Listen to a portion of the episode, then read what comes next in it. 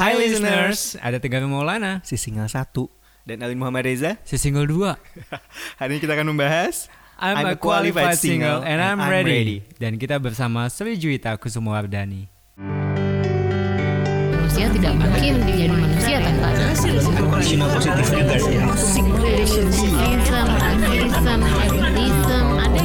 manusia adalah individu yang selfish. Aksara Podcast. Alwin, Hai Kang. apa kabar Win? Baik. Apa kabar Kang juga? Alhamdulillah, lagi happy banget. Seperti tadi status kayaknya lagi happy banget nih di status. Ah, I'm single but I'm happy. Kok menyindir saya? oh, Bapak merasa tersindir. oh, enggak, enggak bercanda. Saya ngomongin diri sendiri, Oh, ngomongin- sendiri loh. Sama-sama single. Sama-sama single. Single-single jadi double. Single single double kayak Zumba. Oke ngomong-ngomong tentang single, kayak pembahasan mengenai single ini kayak lagi banyak ya, single, jomblo dan lain sebagainya. Satu bahasan yang tidak akhir karena memang kita punya banyak jamaah. Jamaah single maksudnya. Eh, yang mungkin akan curhat berjamaah. Oh, kita Jamaah. mau curhat berjamaah dengan tentang kesinggelan ini. Emang bisa. Gak tahu. Tapi kayaknya mumpung nih, Mumpung. mumpung eh, tamu kita eh, juga eh, seseorang yang bisa ngebahas banyak soal eh, single, jomblo dan masalah relasi. Dan mungkin kita juga perlu tahu nih Kang sebagai single single apa sih yang perlu dipersiapkan? yes. Atau jangan-jangan kita nggak tahu single itu apa? ya juga ya. iya ya. Oke, gimana kalau kita tanya aja? Iya. Eh, tamu kita hari ini luar biasa banget. Eh, Mhm. Seorang psikolog. Oke. Eh, kemarin sempat nulis buku juga. Oke, buku apa Kang? Bukunya apa? Kita langsung tanya aja. Kita tanya aja.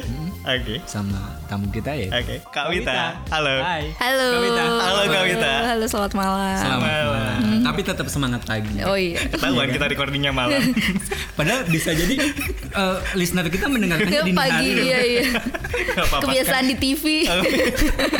Oh, sombong. sombong. Sering ngisinya di TV. Apalah ini. Oke, Kak Wita. Kawita apa kabar? Baik, alhamdulillah. Sibuk? Eh, banyak kegiatan. Banyak kegiatan. Gak mau loh dibilang sibuk. Banyak kegiatan. Kegiatannya apa aja sih kalau boleh tahu? Eh, sekarang praktek sebagai seorang psikolog klinis dewasa gitu ya di beberapa lembaga, terus juga ngajar di beberapa universitas swasta di Jakarta dan em, punya komunitas terkait relationship, terus juga memang sudah mengeluarkan satu buku tadi eh, judulnya anti panik mempersiapkan pernikahan. Anti Panik, panik, mempersiapkan pernikahan. Nah sebenarnya Single mesti dengar. terkait ini topik ini nanti doakan semoga akan keluar gitu anti panik eh, single atau anti panik jomblo gitu. Oh, langsung pengen tek tip satu ya. Saya sebelum dirilis boleh dapat duluan nggak? gitu. Launchingnya kapan? Atau perlu MC? Langsung ya. Moderator. Oke, kita mau ngomongin soal Single ya. satu isu itu ya. Menurut pengamatan Kak Wita, kayak gimana sih kondisi persinggelan dan perjombloan di Indonesia ini? Kayaknya lagi banyak fenomena dan hits dibahas. Iya, karena memang di sosial media kan semua lebih jadi apa ya, ke brought up, lebih terpapar gitu. Sehingga yang single sebenarnya mungkin sebenarnya mereka happy-happy aja gitu ya, tapi karena ngelihat status status temen-temennya tadi loh kan tadi di awal pembukaan bilangnya kan happy gitu. Nah, banyak banget gara-gara ngelihat eh, apa namanya sosial media teman-temannya gitu atau mungkin lihat artis-artis yang baru nikah, baru dilamar itu jadi ngerasanya nggak happy dengan statusnya sebagai seorang single Oke. gitu. Nah, kita eh, belum berangkat eh, ke mana-mana. Iya. Kita ngomongin dulu soal single itu sendiri apa sih sebetulnya? Yang sering diucapkan sebanyak Oke, orang ini. oke. Jadi sebenarnya single itu tuh dibagi tiga gitu ya. Wow, ada pembagiannya. Ada pembagian. Coba dilihat kira-kira yang mana nih yang cocok gitu ya. Baik-baik para single ya, karena siapa tahu ada postersnya setelah ini. Jadi yang pertama itu memang um, legally single. Jadi ini adalah orang-orang yang belum menikah. Jadi sebenarnya kita kalaupun berpacaran itu sebenarnya masih dihitung single loh, gitu. Jadi hati-hati gitu ya. Kalau tiba-tiba ada yang menikung ya masih wajar-wajar aja. Selama Karena memang single ya. Iya, belum sah gitu secara agama dan negara gitu. Nah, yang kedua itu socially single. Nah, ini menurut masyarakat, masyarakat melihat atau ya maksudnya masyarakat di sini adalah orang-orang terdekat gitu ya, lingkungan dia, orang ini tidak punya eh, atau tidak menjalin hubungan gitu. Nah, Cuma sayangnya mungkin aja kayak tadi yang dibahas orang-orang ini sebenarnya mungkin HTSan atau mungkin HTS itu hubungan tanpa status ya. Iya, Bagi yang gitu. belum tahu.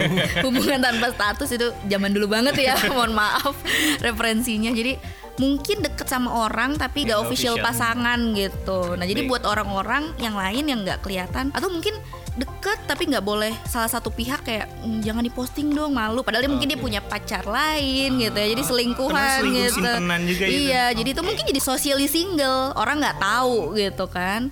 Atau yang ketiga kalau yang ketiga ini um, personally single atau ya sebenarnya bahasa yang lebih bisa dipahaminya total single. Jadi memang dia tidak menjalin hubungan dia pun mempersepsikan diri dia juga memang single gitu. Jadi kalau jomblo tuh jomblo paripurna. bener bener bener bener bener bener. Yang seutuhnya oke langsung mikir yang mana? Jangan-jangan tiga-tiganya. yang aku mau tanya adalah eh, itu satu sama lainnya ada yang lebih baik kah? Itu kayak tingkatan kasta atau sebenarnya kastanya sama-sama single aja gitu loh. Iya sebenarnya sih sama-sama single gitu dan itu semua pasti balik ke persepsinya masing-masing. Bisa jadi yang totally single jauh lebih bahagia karena ngerasa ya memang gue nggak punya pasangan, terus ya udah happy happy aja. Sedangkan mungkin yang legally single tapi punya pacar, kok gue udah pacaran lama belum dilamar-lamar, jadinya nggak happy gitu. Jadi semua pasti balik ke konteks ya gitu, konteks kehidupan sehari-harinya seperti apa. jadi walaupun tadi udah punya pacar bisa tetap nggak happy ya Mm-mm. karena nggak dilamar-lamar misalnya Oke. Eh, padahal statusnya tetap Iya. single Hmm, legally. legally single, Oke. belum married soalnya. jadi single itu tidak menentukan seberapa bahagia kita sebenarnya Hmm, Oke. Tapi tidak Eh, nah, kaitannya dengan itu dan tadi juga sempat dibahas soal single yang bahagia. Kenapa kita kalau kita single nih ya, kenapa kita harus menjadi seorang single yang bahagia? Karena kalau kita tidak bahagia, kita juga akan attract orang-orang yang tidak bahagia, Oke, gitu. Iya, gitu. Jadi gini, kalau kita single tapi kan mungkin ada ada harapan untuk menjalin intimasi. Katakanlah bukan harus menikah ya, gitu. Memang menikah itu kan pilihan, gitu. Tapi ingin punya pasangan yang bisa support each other, gitu. Nah, kalau kita tidak jadi single yang bahagia dulu nih, gitu, kita nantinya akan uh, attract unhealthy relationship, oke gitu. Atau hubungan yang nggak sehat. Jadi ini bahan evaluasi buat para single. Lu udah bahagia apa belum? Hmm, hmm, Gitu ya. Iya. Pertanyaan selanjutnya adalah kalau ternyata sebagai single kita bahagia, hmm. apa yang kemudian kita bisa attract? apa yang bisa dia track oke Em, tentunya balik lagi ya ke nilai-nilai makanya gini em, perkembangan seseorang maksudnya menikah atau punya pasangan itu kan sebenarnya masuk di tahap perkembangan Iya. seseorang gitu nah kadang orang tuh lupa bahwa kok ih kok teman aku baru 20 dia nikah yang ini tapi kan ada juga orang yang baru 30, 35 atau mungkin 40 baru nikah and it's okay gitu sama Baru aja 30 udah menikah. Enggak, maksudnya merasa baru baru baru. baru karena maksudnya kayak dulu pas tahap perkembangan bayi kan ada juga yang bayi mungkin merangkak dulu atau mungkin ada juga yang jalannya duluan tapi mm, bicaranya jalannya telat telat. gitu atau bicaranya lancar tapi belum jalan Oke. gitu dan sebenarnya eh, punya pasangan dan menikah juga sama seperti itu iya memang itu tugas perkembangan tapi eh, it's okay kalau kita nggak sama dengan teman-teman seangkatan kita gitu Oke, kalau tadi- Menikah itu bukan balapan. Bukan Ya, Apalagi iya. dita- dijadiin lomba 17-an. Oke, kalau tadi bicara bahwa eh, kebahagiaan dan single berarti kan sebenarnya eh, Kak ada single yang bahagia, ada single juga yang nggak bahagia ya. Apa sih yang ngebuat pada akhirnya ada yang bahagia tapi ada yang juga nggak bahagia padahal sama-sama single gitu loh. Oke, mungkin karena tadi ya balik ke masalah si sosial media ini pressure-nya kenceng Oke. banget gitu. Jadi bukan cuma dari sosial media sih, bisa juga dari lingkungannya. Misalkan banyak banget sekarang even mahasiswa-mahasiswaku tuh yang kayak umur 22, 23 terus kayak aduh pokoknya pengen cepet lulus, udah ditanyain kapan nikah sama orang tua gitu. Jadi kayak tenang dulu, santai dulu gitu. Maksudnya eh, tuntutan-tuntutan itu yang kadang-kadang membuat kita jadi nggak bahagia.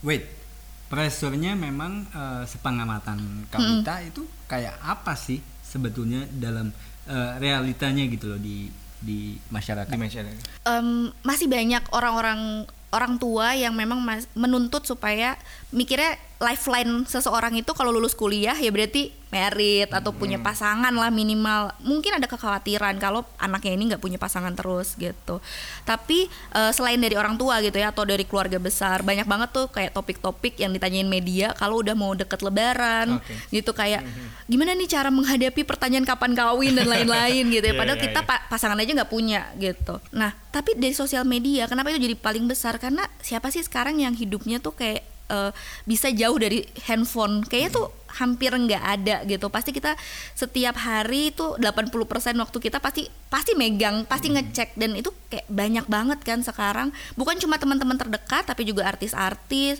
akun-akun kayak pernikahan itu juga kayak menjual mimpi supaya oh iya ya punya pasangan tuh enak gitu. Padahal ya nggak tahu sih gitu. Dampaknya buat si si single ini kayak gimana sih kejahatan kejahatan para netizen. Ini Kejahatan media iya. ya. fokusnya adalah mengubah status dari single menjadi punya pasangan. Oke atau menikah gitu yang lebih besarnya lagi gitu. Lalu apa yang terlupakan oleh para single ini ketika fokusnya adalah yang penting statusku berubah? Kebahagiaannya sih. Kebahagiaan. Iya.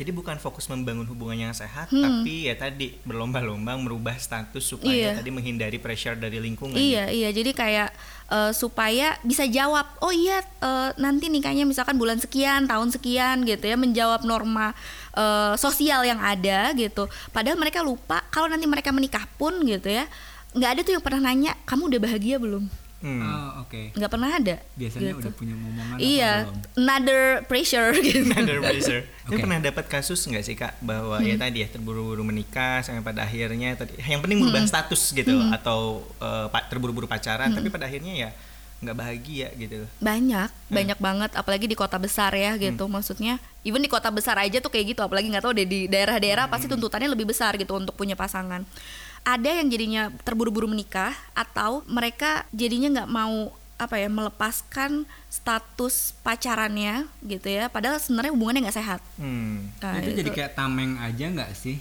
Dari pressure yang tadi dibahas iya. Ya? Di relasi yang toksik kalau kemarin kita bahas aja. Iya, sempat kita bahas juga soal itu dan kayaknya eh, kita memang harus yang nggak boleh itu gitu loh yang jadi tujuan kan. iya So kalau misalnya kita mau ngomongin eh, memulai relasi yang baru, apa sih yang mesti dilakukan sama eh, para single? evaluasi diri, evaluasi hubungan harusnya. Ya, maksudnya em, ini singlenya saat ini apakah memang pernah menjalin hubungan sebelumnya atau memang dari lahir belum pernah punya pac- pacar gitu ya, punya pasangan gitu. Bagi mereka yang belum pernah punya mantan ya kan.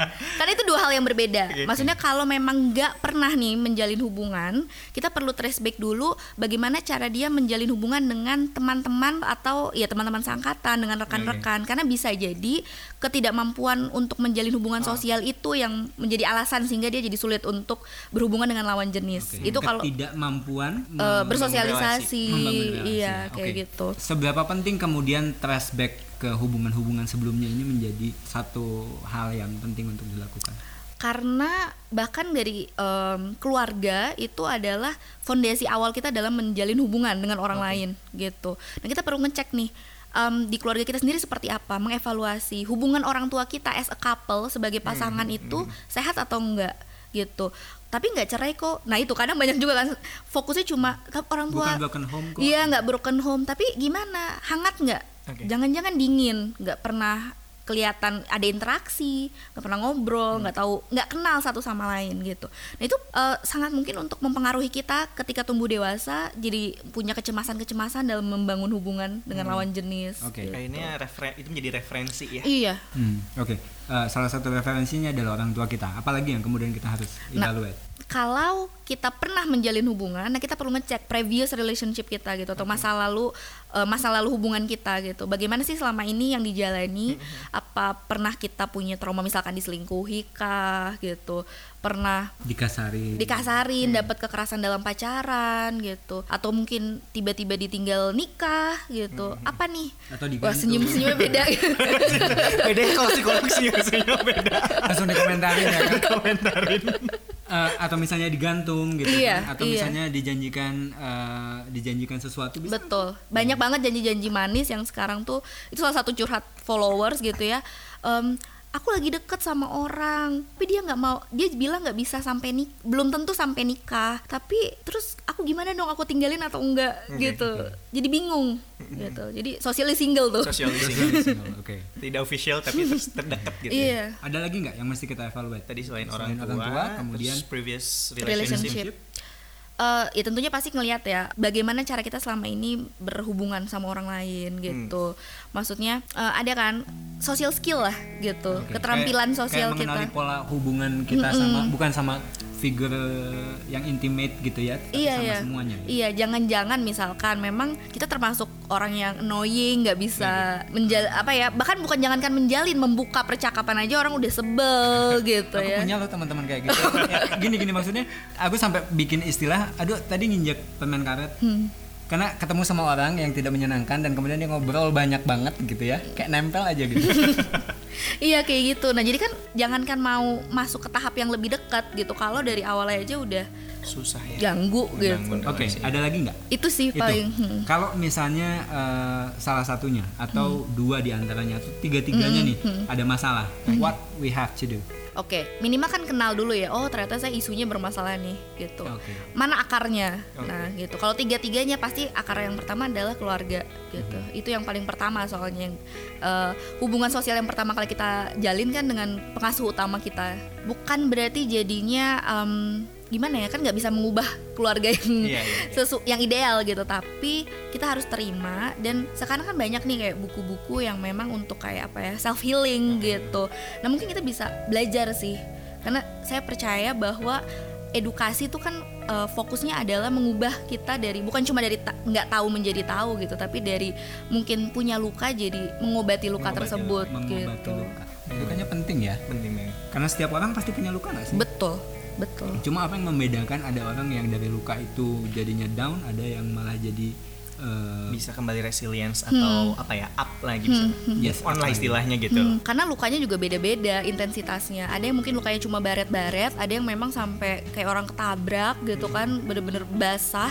Nah, sayangnya kan di Indonesia luka psikologis itu karena intangible, orang tuh nggak sadar, nggak kelihatan gitu. Jadi banyak ya udahlah time will heal katanya gitu ya, waktu akan menyembuhkan. Padahal tapi enggak. itu jadi kayak jargon doang nggak sih Iya iya, kalau kita nggak ada usaha untuk eh, apa ya menutup luka tersebut kayak tadi misalkan dengan baca buku, dengan belajar atau nonton YouTube, kan banyak sekarang udah banyak informasi-informasi intinya Atau membuat mungkin dengan podcast ya. betul betul gitu. Intinya dengan kita apa ya mengedukasi diri kita itu salah, satu cara gitu dan untuk itu kayaknya kalau misalnya ngomongin buku-buku yang kita bisa baca sendiri atau kita dengerin eh, podcast atau Hmm. nonton YouTube kita nggak kemudian terintimidasi dengan anggapan orang karena kita bisa melakukan itu sendiri. sendiri betul. Oke, terkait poin dua tadi bahwa kita kan memang harus juga mengevaluasi hubungan kita sebelumnya. Eh, ini kalau misalnya si single in case tiba-tiba in case. eh, ketika habis evaluasi habis evaluasi kemudian dia sumu susah move on susah move on. Indikator kita boleh balik lagi ke hubungan yang sebelumnya sudah berakhir ini dan eh, kapan kita nggak boleh itu apa sih? Uh, tentunya dari alasan kenapa kita nggak bisa menjalin hubungan itu sih gitu maksudnya pas putusnya itu apa sih Maksudnya alasan alasannya putus. Mm-mm, alasan putusnya itu apa karena misalkan alasan putusnya memang ada kekerasan dalam pacaran atau beda agama gitu ya. Mungkin nih relationship quality-nya bagus tapi beda agama itu kan sebenarnya kayak menjalin hubungan yang sudah ada vonisnya gitu Oh, iya. ya kecuali kecuali memang cukup uh, libera- liberated untuk men- menikah di luar negeri kayak gitu-gitu. Itu kembali ke orangnya masing-masing gitu. Tapi kalau memang kemungkinan itu nggak ada mau ngapain jalanin itu gitu karena semakin lama kita menjalin hubungan itu investasinya semakin besar otomatis semakin sulit Dan senin harga naik ya. Oke, berarti tadi menariknya bahwa hubungan itu memang merupakan investasi. Investasi buat siapa sih? tentunya pasti buat kita ya maksudnya em, makanya kenapa sebagai seorang single gitu ya lebih baik single daripada menjalin hubungan yang tidak bahagia membahagiakan atau tidak sehat gitu Oke, tidak membahagiakan atau Iya. tidak sehat. Oke, itu itu quotes-nya kayaknya ke mana-mana ya. Eh, itu memang benar ya itu. itu hasil penelitian Oke. gitu jadi banyak orang yang suka baca eh, ayat suci itu setengah-setengah banyak juga yang ternyata baca hasil penelitian itu setengah-setengah gitu dibilangnya eh, kalau single atau jomblo itu tidak tidak lebih bahagia daripada orang yang sudah menikah. Nah padahal itu orang yang menikah seperti apa dulu nih atau punya pasangan seperti apa dulu.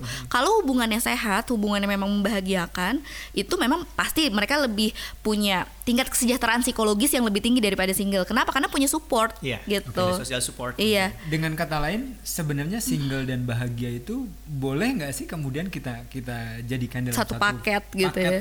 Ya boleh aja it's okay gitu. Cuma balik lagi tahap perkembangan dewasa muda 24 sampai 40 tahun itu kan memang punya pasangan gitu. Karena kita tantangan hidupnya semakin tinggi, otomatis kita butuh orang yang memang support kita. Mungkin orang tua udah nggak ada, gitu. Teman-teman juga udah punya kehidupannya masing-masing. That's why kita butuh pasangan yang support kita, gitu. Jadi sebenarnya jadi kalau dari usia tadi 20 sampai 40 tahun itu support tertinggi itu terbesar itu justru dari pasangan ya. Iya, karena ya itu karena bisa jadi orang-orang kayak keluarga dan teman-teman sudah punya kehidupannya masing-masing atau mungkin kayak, kayak keluarga udah nggak ada gitu kayak saudara siblings pun kan bisa jadi mereka sudah menikah dan ya udah sibuk dengan pekerjaan dan masalah hidupnya masing-masing gitu. Jadi bukan menikahnya atau punya pasangan yang lebih baik daripada single, tapi punya hubungan yang berkualitasnya Oke, yang lebih jadi baik daripada kata lain single. menjawab pertanyaan tadi, kita boleh punya niatan untuk balik lagi ke Mm-hmm. hubungan itu selama hubungannya menjadi lebih baik gitu. Iya sudah terimprove gitu ya.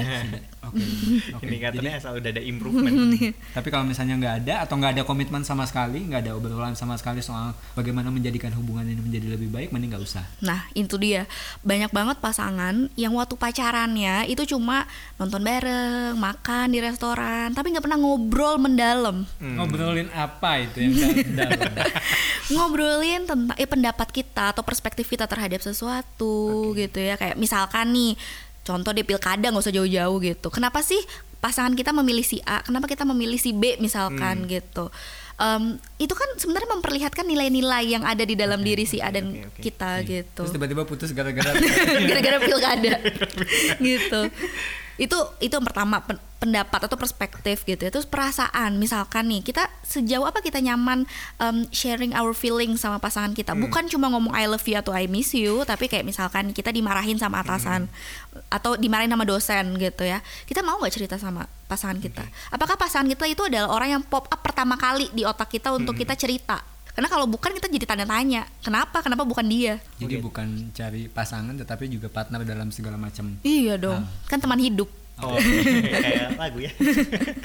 Oke, berarti tadi indikatornya ya eh, bahwa harus ada deep communication juga Betul. ya. Bahasan pembahasannya tadi baik dari segi perspektif maupun emosional juga gitu. Oke, kita eh, beranjak lebih jauh ke persoalan. Kalau tadi kan eh, balik ke hubungan yang sebelumnya. Bagaimana kita kemudian eh, mulai melangkah untuk satu hubungan yang lebih baik dan itu hubungan yang betul-betul baru. Baru dan sehat tentunya. Oke. Sehat. Tentunya pasti kalau baru putus take your time Oke. Oke. gitu. Jadi single dulu, jangan langsung terburu-buru untuk mencari pasangan yang mengisi kekosongan Why? saja. Why? Gitu. Karena kita belum beres biasanya. Lukanya tuh masih belum Oke. belum beres gitu. Eh, bisa jadi kita masih keingetan dan itu jadinya nggak fair buat pasangan kita yang baru. Ngeberesin luka tuh dalam arti seperti apa sih, Kak? Gini, intinya memang bukan berarti melupakan 100% karena kita Bukan melupakan. bukan karena nggak bisa note ya. lupa.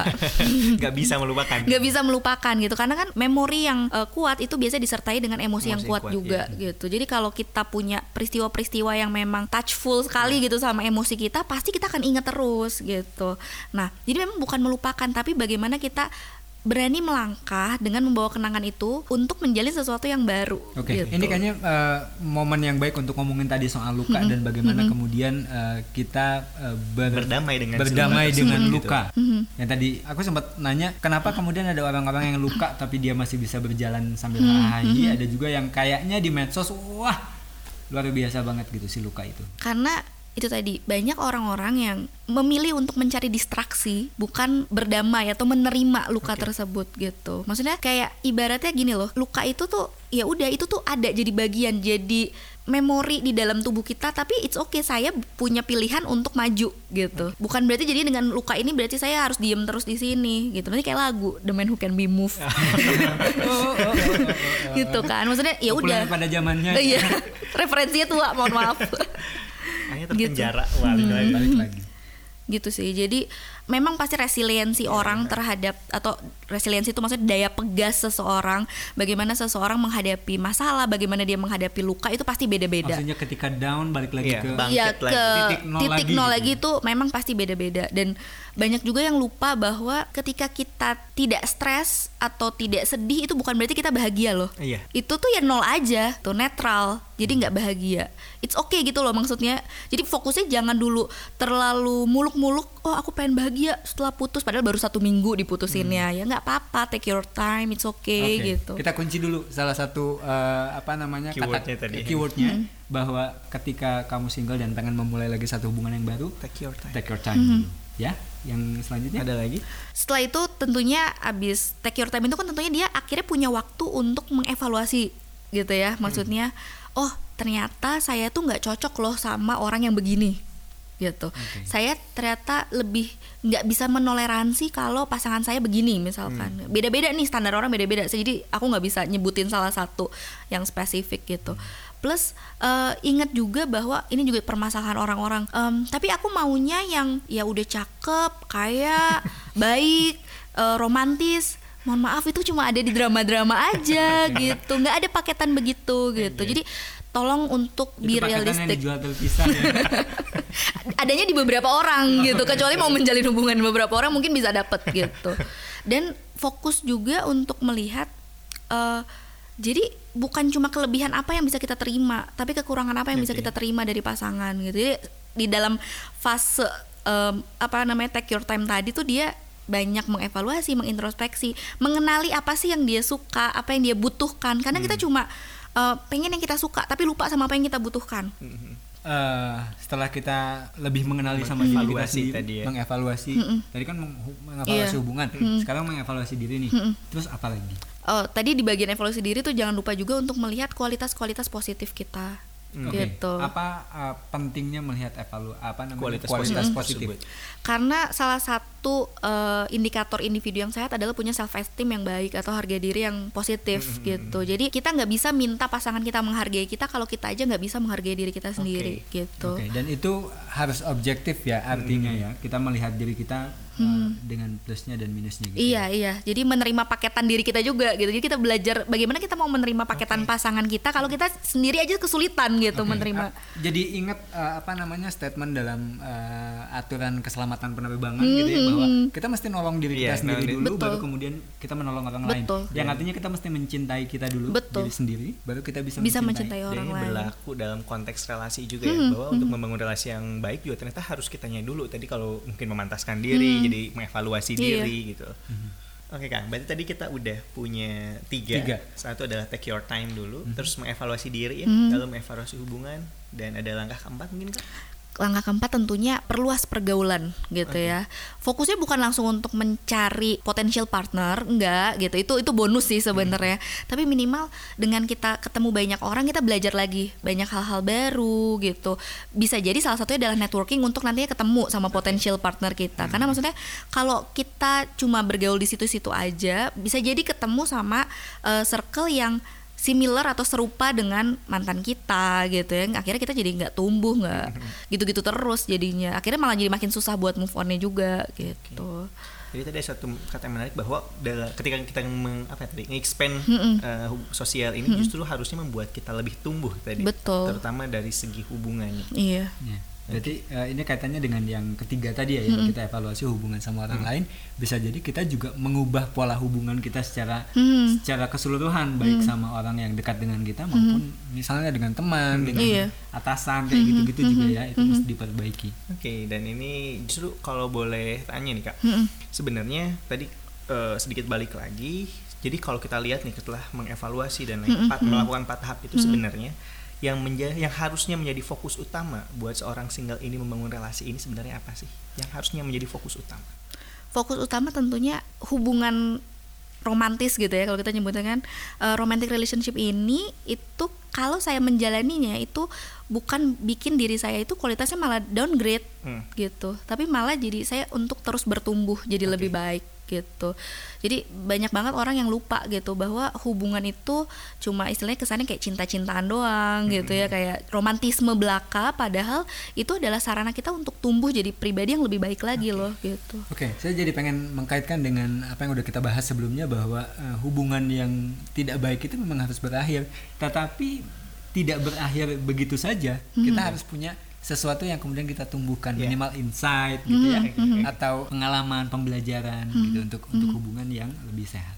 Oke, dan tadi kuncinya adalah ketika membangun hubungan harusnya menjadikan diri kita ini menjadi lebih baik lagi. betul Oke, single yang bahagia itu ketika menjalin hubungan harusnya menjadi lebih baik. Lebih lagi. baik. Kalau ketika single aja lebih baik, apalagi menjalin hubungan kan harusnya. Mhm. Ya jadi kalau misalkan dia udah happy as a single, terus mem- masuk ke relationship gak happy kan sebenarnya buat apa Oke, gitu? iya. What's the point? ya juga. Ketika harusnya ketika menjalin hubungan happy-nya jadi dua kali lipat Iya. kan. Iya, iya. karena eh, single yang happy ketemu sama single yang happy menjadi double yang happy. gitu kali ya. Iya. Single-single double. Iya iya. Tapi kalau misalkan dia berpikir "Oh, aku menunggu seseorang untuk melengkapi aku gitu, ibaratnya mungkin dia nih kosong. Dia mencari akhirnya attract sama orang yang juga sama-sama kosong. Akhirnya nggak ada yang bisa tertuang. Jadi sebenarnya kita butuh eh, air yang sudah penuh untuk menuangkan itu sama-sama di bejana bersama pasangan kita gitu Jadi bicara yang nantinya. lebih luas. Iya. Jadi gitu. bukan berarti aduh belum lengkap nih ah cari yang melengkapi gitu, tapi justru kita juga harus lengkap dulu, Hmm, Dulu. secara individu. Betul. Akhirnya bertemu orang juga yang Lengkap individu yang lengkap, juga, menjadi gitu. lebih lengkap. Dan gitu. eh, konsep lengkap tadi tidak harus semuanya terisi mungkin Betul, ya. betul. Tetapi bagaimana kemudian persepsi kita bahwa dengan segala kelebihan dan kekurangan kita, kita juga mampu menerima kekurangan dan kelebihan orang lain Betul. atau pasangan kita Iya. terutama. Ya, ya menarik. menarik ya. Berujungnya ke situ ya. Berujungnya Jadi situ. eh, single yang happy adalah single yang kemudian berani untuk memulai sesuatu satu hubungan yang baru dan eh, menjadi lebih sehat. Mhm. Dan ini note aja sih buat para single di luaran sana gitu ya. Em, jangan berpikir bahwa setelah gagal nih di satu hubungan, terus kayak oh mau mulai, kok gagal lagi sih jadi takut. Udahlah langsung nikah aja. Eh, bentar, memang namanya hubungan tuh kayak gitu, pasti ada jatuhnya gitu. Dan fokusnya adalah cari pembelajaran dari hubungan yang gagal tersebut gitu. Jangan fokusnya langsung ya udah nikah aja. Nikah itu bukan jawaban dan bukan solusi Hmm. gitu. Kalau terburu-buru mengambil keputusan untuk menikah tanpa ada persiapan secara mental gitu ya, pasti nanti akan lebih parah gitu ketika sudah menikah. Oke. Dan tadi menarik persiapan mental sebenarnya. Jadi mental seperti apa yang harus disiapkan sebelum akhirnya menikah dan bangun relasi? Oke, jadi em, yang pertama tadi ya kita udah sempat singgung masalah self esteem Oke. gitu. Harus punya self esteem yang positif gitu. Karena kalau dia udah self esteemnya positif, insecurity itu nggak ada. Jadi nggak nggak ada lagi eh, cemburu-cemburu nggak perlu, curiga-curiga nggak perlu. Karena itu akan bikin hidup makin gak nyaman sih sebenarnya gitu. Tapi boleh nggak sih kemudian kita ngomong sama pasangan kita bahwa saya ini lagi memperbaiki self esteem. Boleh, boleh. Dan tapi jangan jangan juga jadinya memberikan tugas supaya dia mikir apa support yang harus Oke. dia berikan. Kita harus bantu juga. Oke. Aku tuh butuh diberi ini nih, misalkan tuh didukung seperti ini gitu. Sehingga karena banyak banget nih kasus-kasus yang si pasangannya, "Hmm, ya kamu harus ngerti. Kamu harus mikir sendiri. Hmm, ya kan dia bukan mind reader ya gitu. Oke, oke. Dan saya jadi ingat salah satu isu yang saya pernah bahas adalah bahwa orang itu kalau pengen dapat dukungan sosial ya penting untuk membuka diri sama pasangan. nggak? Iya, jadi yang tadi mengomunikasikan eh, perasaan-perasaan dia Iya, gitu. iya. Dia punya masalah di self esteem kan itu perasaan juga salah Iya, satu iya. bagian perasaan dan itu harus memang disampaikan gitu. Oke, berarti Oke. tadi satu untuk Self esteem. self-esteem. Terus kemandirian. Nah Kemandirian. ini kalau kita ngomongnya udah eh, higher level kayak pernikahan tentunya kemandirian finansial pasti penting gitu ya. Kenapa? Karena kalau kita masih tergantung eh, ekonomi eh, kepada pihak-pihak tertentu, nantinya pihak-pihak tertentu ini punya hak untuk mengintervensi Intervensi. pernikahan kita gitu. Jadi kalau bisa diusahakan banget untuk mandiri secara finansial. Yang kedua eh, mandiri dalam mengambil keputusan Oke. gitu ya. Jadi bukan cuma masalah uang aja tapi kita tahu nggak sih dari hal-hal kecil nih kayak misalkan milih baju karena ada nih kasus-kasus klien-klien yang calon suaminya tuh baju aja masih dipilih nama ibunya. Kira-kira gimana tuh Mbak? Kira-kira menurut Mbak gimana?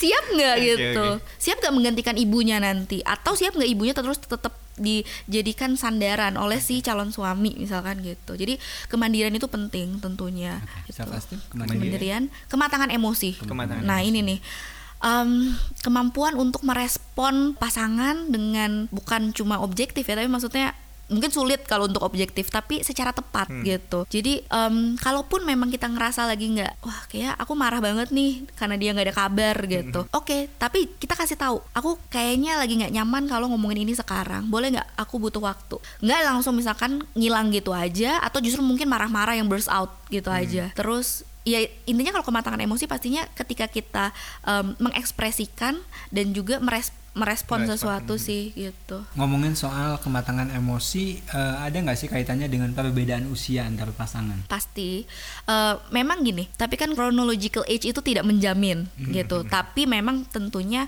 ini kalau dari researchnya Simbis gitu ya Save Your Marriage Before It Starts em, usia 25 tahun harapannya idealnya itu sudah lebih matang secara emosi Oke. Gitu. Tapi tentunya tidak semua orang yang di atas 25 tahun sudah pasti matang secara emosi.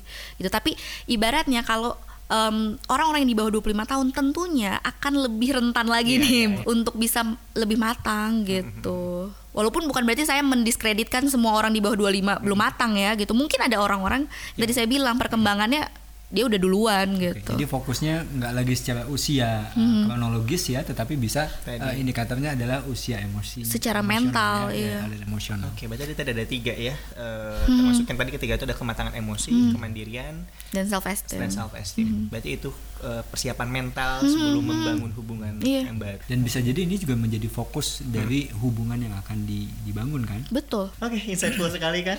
Banget, banget. Khususnya buat para single-single di luar sana dan di dalam sini.